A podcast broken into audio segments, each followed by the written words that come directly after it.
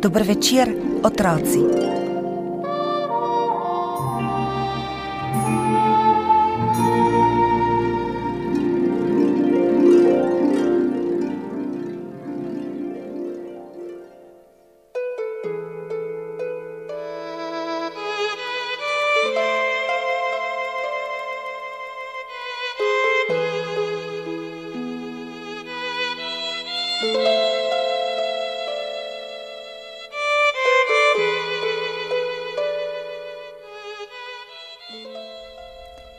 Večer je in počasi se bomo odpravili spat. Prej pa bomo morda še pomislili, kaj vse smo počeli danes. No, Pavle je popovdne prebil na sprehodu. Na klopi v parku je sedel star mož z dolgo belo brado in risal s konico dežnika nekaj v pesek pred seboj. Dajte še meni malo prostora, je rekel Pavel in se spustil na klop poleg njega. Starček se je umaknil in se zagledal v zardeli in jezni obraz dečka poleg sebe. Se je kaj zgodilo? ga je vprašal. Vidim, da si pravkar jokal, kričal in se z nekom prepiral. Kmalu bom šel za zmerom proč. Že zaradi Lene, je odvrnil Pavel in stisnil pesti. Niti ene barvice mi noče posoditi, pa toliko jih ima. Tu še ni vzrok, da bi pobegnil od hiše, je menil starček. Sej ne samo zato. Babica me je napodila iz kuhinje zaradi enega samega korenčka, sunjo za pomivanje je zamahnila za menoj. Pa nikomor nič nočem. Pavel je žalostno zasmrkal moj brat gre drsat in me ne mara seboj. Reče mu, vzemi me seboj, drugače ti ne bom dal miru, skril ti bom drsalke. Pavel je udaril s pestjo po klopi in umavknil. Lahko ti bi pomagal, je rekel starček in si pogladil brado. Poznam čarobno besedo, povedal ti jo bom. To, da ne pozabi izgovoriti jo moraš počasi in pri tem gledati sogovorniku naravnost oči. Kakšna beseda je to?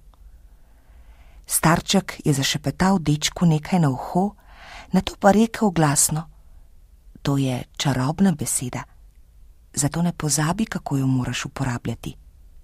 Tako jo bom preizkusil, je rekel Pavel, vstal s klopi in stekel domov. Lena je sedela za mizo in risala. Pred njo so ležale barvice, zelena, modra in rdeča. Ko je zagledala Pavleta, je pograbila barvice in jih pokrila z roko. Starček se je zmotil, si je rekel Pavel. Pri Leni že ne zaleže nobena čarobna beseda. Potem je počasi sedel k njej in jo pocukal za rokav. Ko se je Lena ozrla, je pogledal v oči in počasi spregovoril. Posodi mi eno barvico, prosim. Lena je naredila velike oči in zmedeno zamrmrala. A katero pa? Modro, je rekel Pavel boječe. Vzel je barvico, jo nekaj časa držal v roki, šel z njo v sosednjo sobo in jo na to vrnil Leni barvice sploh ni rabil, mislil je samo na čarobno besedo. Šel bom k babici, pravkar peče buhtlne. Kdo ve, me bo napodila ali ne? Pavel je šel v kuhinjo.